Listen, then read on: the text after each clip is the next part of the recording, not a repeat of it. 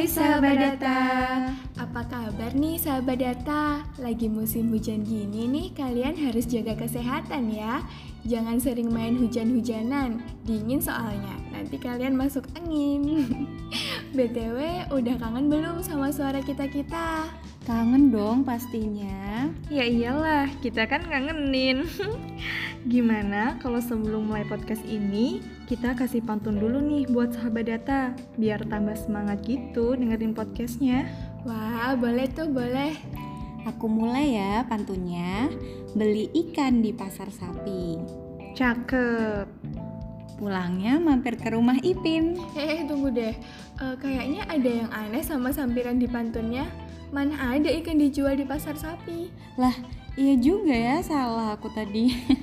Mohon maaf nih guys, maklum aku emang manusia biasa. Iya iya. Um, bicara soal kesalahan, kamu tahu nggak Lid? Kalau di statistik itu ada dua tipe kesalahan loh.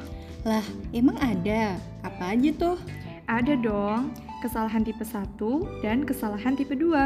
Nah, sebelum berbicara lebih jauh mengenai kesalahan, kita harus tahu dulu nih bahwa tipe kesalahan dalam statistik sangat erat kaitannya dengan yang namanya hipotesis. Lalu, apa sih yang dimaksud dengan hipotesis? Nah, hipotesis atau pendugaan adalah suatu pernyataan yang berupa dugaan di mana masih perlu dibuktikan kebenarannya. Hmm, jadi kalau cowok bilang cinta itu dia termasuk hipotesis dong ya? Kan masih perlu dibuktikan kebenarannya. Hmm, apa sih? Ih. Nih, contohnya nih ya, buat hipotesis itu misalnya ada dua jenis obat yang akan diuji efektivitasnya dengan membandingkan kecepatan sembuh ketika seseorang minum obat A dan obat B. Pada percobaan pertama, terlihat bahwa orang yang mengkonsumsi obat A memiliki rata-rata waktu sembuh yang lebih cepat sebesar 15 jam dibandingkan orang yang mengkonsumsi obat B.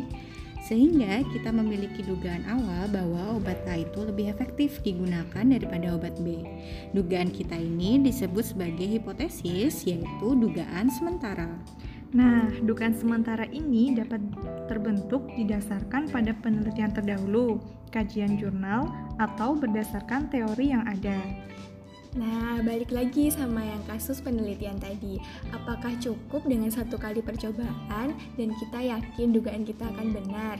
Tentu tidak kan? Jadi, kita akan melakukan pengulangan percobaan untuk menguji apakah hipotesis kita dapat diterima atau tidak. Apabila hasil dari pengulangan percobaan menunjukkan kondisi yang bertentangan dengan hipotesis, maka kita akan menolak hipotesis awal tersebut. Jika sebaliknya, maka hipotesis tersebut akan diterima. Oke, lanjut ya. Hipotesis itu ada dua jenis, yaitu hipotesis nol dan hipotesis alternatif. Lalu, apa bedanya? Jadi, hipotesis nol itu adalah pernyataan yang menyatakan tidak adanya perbedaan karakteristik dalam kelompok atau populasi yang ingin diuji.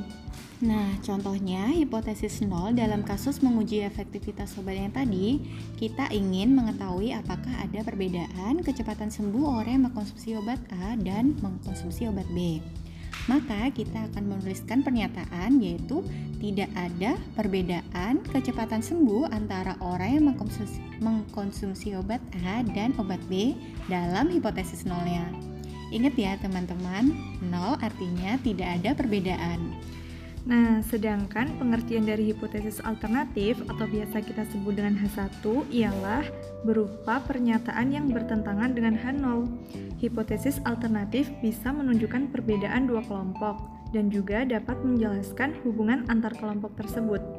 Dalam kasus H0 yang tadi, hipotesis alternatifnya adalah terdapat perbedaan kecepatan sembuh orang yang mengonsumsi obat D dan obat A.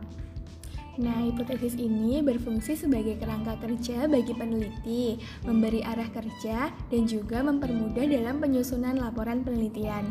Terus yang kesalahan-kesalahan tadi yang kita bahas itu berhubungan di bagian mana sih Kak dengan yang hipotesis? Nah, hubungannya itu ketika sahabat data ingin melakukan penelitian dengan menguji hipotesis atau simpelnya ya menduga-duga sesuatu apakah sesuai harapan dan ternyata hasil pengujian hipotesisnya dan dugaannya tadi salah, yaitu yang dimaksud dengan kesalahan dalam statistik. Yang selanjutnya, kesalahan itu dikelompokkan menjadi dua tipe. Tipe 1 biasa dikenal sebagai positif palsu, sedangkan tipe 2 biasanya disebut sebagai negatif palsu. Nah, kalau aku sama dia itu statusnya yang palsu. Hmm. Aduh, berat-berat nih. Coba deh Kak, kasih contoh untuk masing-masing tipe kesalahan tadi. Aku kasih contoh ya, untuk kesalahan tipe 1 itu kayak gini. Misalnya nih, kalian sedang tes PCR di laboratorium A Kemudian keluar nih hasilnya kalau kalian ternyata positif COVID-19. Padahal di sini terdapat kesalahan uji. Nah, karena kalian cemas dan tidak percaya kalian positif COVID-19, padahal selalu menerapkan protokol kesehatan, kalian akan mencoba tes ulang di laboratorium yang berbeda yang kemudian mengungkapkan bahwa tes PCR di laboratorium A tadi itu salah. Sebaliknya, negatif palsu atau kesalahan tipe 2 adalah ketika hasilnya itu negatif, padahal kalian sebenarnya positif COVID-19. Akibat negatif palsu ini tentunya kalian bisa membahayakan orang banyak kan? Atau jika konteksnya untuk penyakit lain, maka penyakit tersebut tidak akan mendapatkan pengobatan. Nah, jadi jika dokter dapat memilih di antara dua pilihan ini, positif palsu itu lebih diinginkan daripada negatif palsu. Contoh lainnya nih, misalkan ada seseorang yang telah diadili karena kasus pembunuhan. Hipotesis nol di sini adalah bahwa orang tersebut itu tidak bersalah. Kesalahan tipe 1 akan terjadi jika orang tersebut dinyatakan bersalah atas pembunuhan yang sebenarnya tidak dilakukannya yang akan menjadi akibat yang sangat serius dong bagi terdakwa. Kasian gak sih kalau misal dia itu tidak bersalah tapi harus tetap diadili? Di sisi lain, kesalahan tipe 2 itu akan terjadi jika hakim menemukan orang tersebut tidak bersalah meskipun dia melakukan pembunuhan. Hal ini tentu akan merugikan bagi korban dan juga membahayakan masyarakat. Di sini dapat diketahui bahwa dalam sistem peradilan juga berupaya untuk meminimalkan kesalahan tipe 1. Nah, dalam penelitian, kesalahan tipe 1 ini dikenal dengan nama alfa atau disebut dengan tingkat signifikansi atau taraf signifikansi. Signifikan artinya meyakinkan atau berarti. Sehingga dalam penelitian signifikansi itu mengandung arti bahwa hipotesis yang telah terbukti pada sampel dapat diberlakukan pada populasi. Jika tidak signifikan, ya berarti kesimpulan pada sampel tidak berlaku pada populasi atau tidak dapat digeneralisasi. Nah, biasanya biasanya itu kan kita bisa lihat tuh Kak di publikasi penelitian kalau uh, ada informasi bahwa menggunakan tingkat signifikansi sebesar satu persen atau 5%. Nah, itu artinya apa sih sebenarnya? Jadi, misalkan nih, diasumsikan terdapat sebanyak 100 sampel penelitian yang diambil dari populasi yang sama.